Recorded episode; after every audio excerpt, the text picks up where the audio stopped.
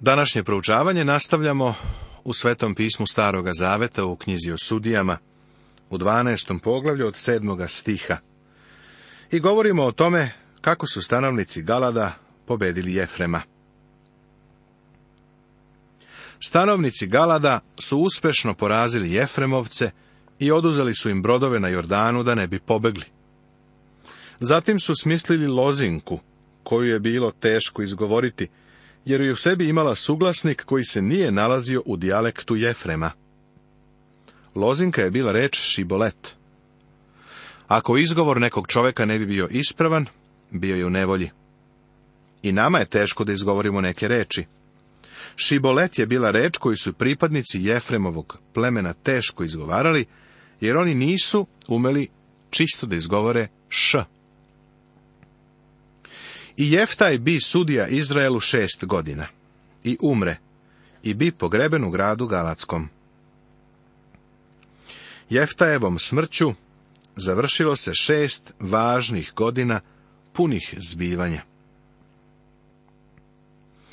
Avesan, deseti studija Trojica sljedećih sudija koji se spominju praktično nisu uopšte značajni. Ništa nisu učinili. Pa, možda nešto. Ali Izraelu nisu sudili onako kako je trebalo. A posle njega bi sudija Izraelu Avesan iz Vitlejema. I imaše trideset sinova i trideset kćeri, koje razuda iz kuće, a trideset devojaka dovede sinovima svojim iz drugih kuća. I bi sudija Izraelu sedam godina. Potom umre Avesan i bi pogrebenu Vitlejemu. Ovaj sudija je iz Vitlejema. Vitlejem je bio jedan od judinih gradova na jugu. Imao je 30 sinova i 30 kćeri.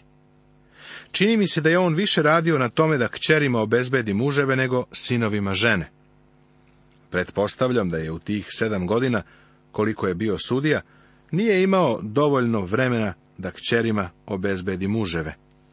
Ali nije imao vremena ni da sudi Izraelu, Drugim rečima, Avesan je bio čovek koji je sve svoje vreme posvetio porodici. U tome nema ništa loše, ali on nije bio pozvan na to. Danas se svuda oko nas širi mnogo gluposti u vezi sa odgovornošću. Jednom sam čuo priču o nekom propovedniku koji se spremao da ide da održi govor. Baš tada je njegov mali sin želeo da razgovara sa njim. On je seo i sa sinom razgovarao, pa je tako propustio obavezu. Mnogi su mu zbog toga aplaudirali. Ali prijatelju, taj čovjek je prekršio obavezu, istovremeno je razmazio dete. Ljubav i interesovanje za decu možeš pokazati i bez neispunjavanja obaveza. Postoji vreme kada prvo treba uraditi neke stvari. Mislim da bi bilo bolje da je dečaku rekao, Tata sada mora da drži govor, jer je to važno. I ti želiš da tata ode na sastanak, zar ne? Mislim da bi se Mališan složio. Zatim je otac mogao da nastavi. Kad se vratim, ti i ja ćemo o ovome razgovarati ili ćemo o tome sutra popričati.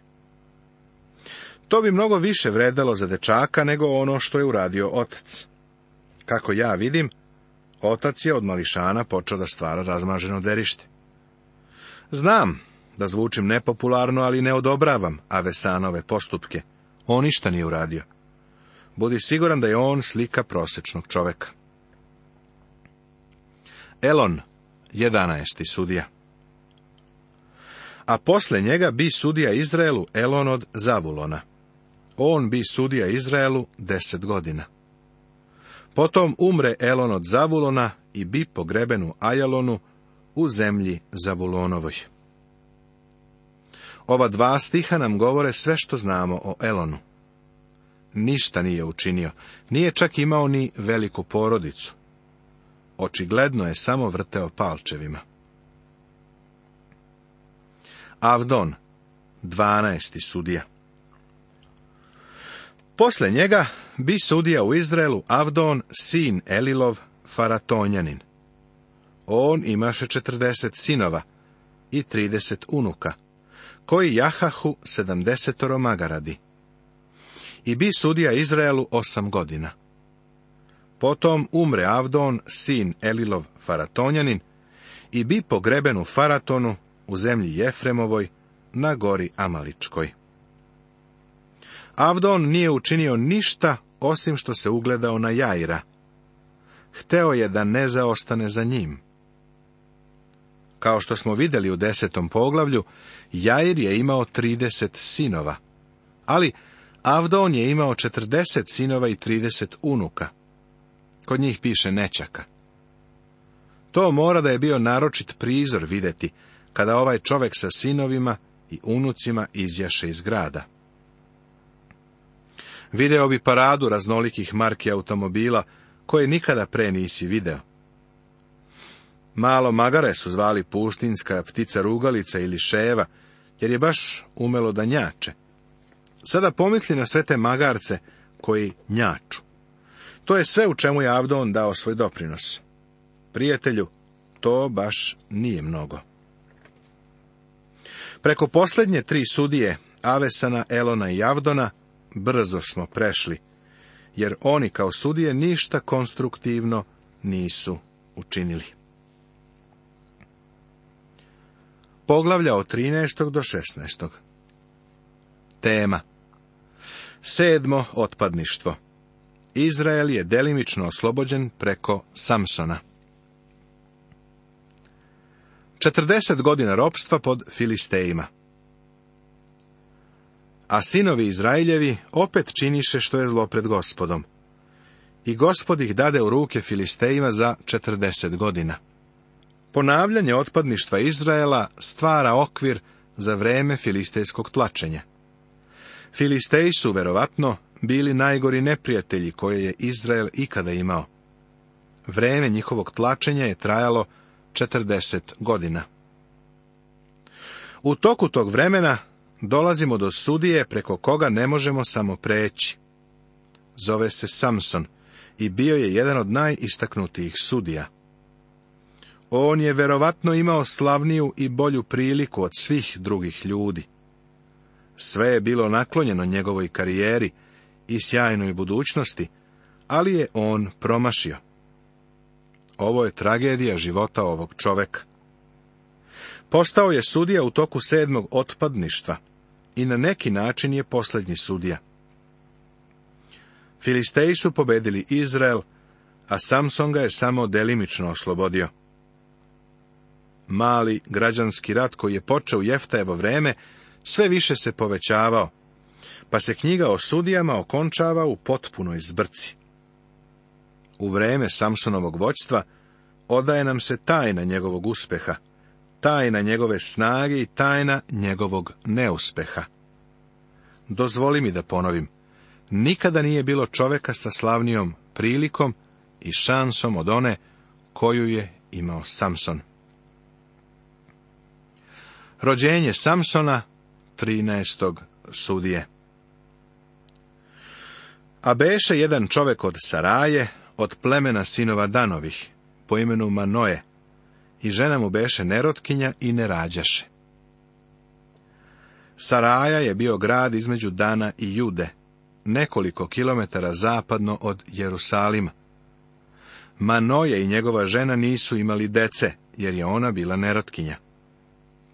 Zato je Samsonovo rođenje bilo čudesno, baš kao i Isakovo, Josifovo ili Venijaminovo. Toj ženi javi se anđeo gospodnji i reče joj, Gle, ti si sad nerotkinja i nisi rađala, ali ćeš zatrudneti i rodit ćeš sina. Nego sada čuvaj se da ne piješ vina, ni silovita pića, i da ne jedeš ništa nečisto jer gle, ćeš i rodit ćeš sina, i britva da ne pređe po njegovoj glavi, jer će dete biti nazire i Božiji od utrobe materine. I on će početi izbavljati Izraela iz ruku filistejskih. Još pre nego se Samson rodio, gospod ga je obeležio. Boga je podigao da uradi gigantski zadatak trebalo je da izbavi Izrael. Izraelci su bili u lošoj situaciji, jer ih je Bog predao u ruke Filistejima. Anđeo gospodnji, koji se javio Samsonovoj majici, rekao joj je da će njen sin biti Nazirej. Možda se sećaš da smo u četvrtoj knjizi Mojsijevoj čitali o čemu se sastojao Nazirejski zavet. Bio je trostruk. Prvo, Nazirej nije smeo da okusi silovito, odnosno jako piće, niti da jede grožđe u bilo kakvom obliku. Zašto? Jer je u Svetom pismu vino simbol zemaljske radosti. Ono razveseljava srce. Nazirej je svoju radost nalazio u gospodu. U poslanici Efescima u petom poglavlju 18. stih ovako kaže I ne opijajte se vinom, u čemu je raskalašenost, nego se punite duhom. Ako želimo da ugodimo Hristu, onda i mi našu radost treba da nalazimo u njemu. U stvari, radost je plod duha svetoga. A plod duha je ljubav, radost, mir, dugo trpljenje, čestitost, dobrota, vera, krotost, uzdržljivost. Protiv ovakvih stvari nema zakona, kaže poslanice Galatima, peto poglavlje, 22. i 23. stih. Radost je jedan od plodova koji Sveti Duh želi da proizvede u našem životu. Druga odlika Nazireja je, Nazirej nije smeo da šiša kosu u prvoj poslanici Korinčanim u 11. poglavlju, u 14. stihu, apostol Pavle kaže, Zar vas i sama priroda ne uči da je za čoveka sramota ako ima dugu kosu? Sveto pismo kaže da je duga kosa sramota čoveku.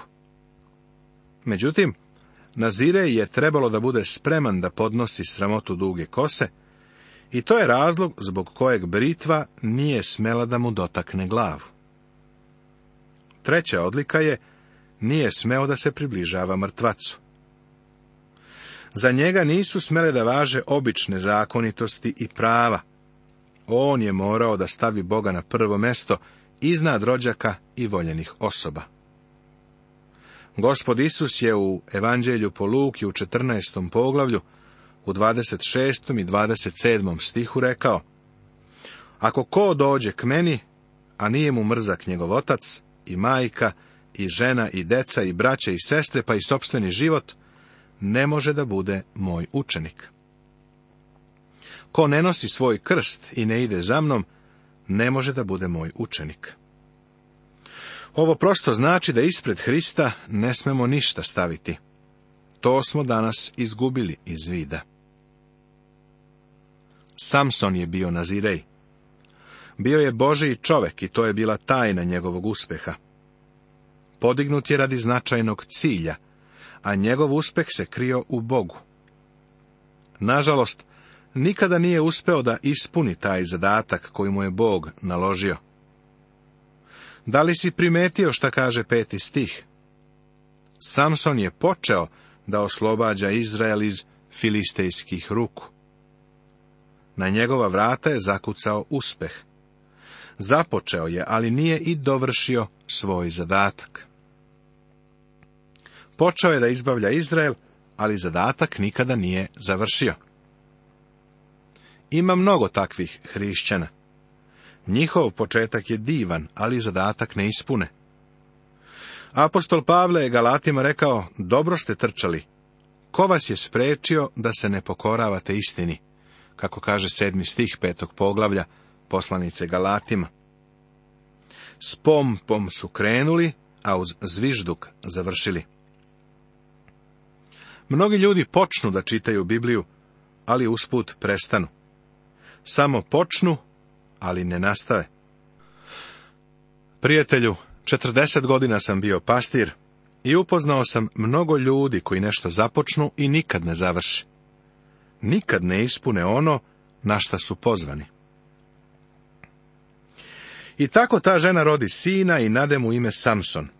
I dete odraste i gospod ga blagoslovi. I duh gospodnji poče hodati s njim po okolu danovu između Saraje i Estaola. Ovi stihovi nam otkrivaju tajnu Samsonove snage.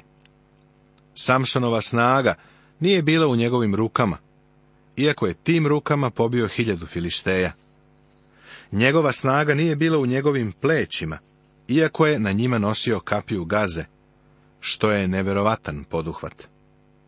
Samsonova snaga nije bila ni u njegovoj dugoj kosi, iako je postao slab kada je ocekao. Samson je bio jak jedino kada ga je Boži duh pokretao. Nije ga oslavilo puko odsecanje kose, Njegova kosa je bila simbol nazirejskog zaveta.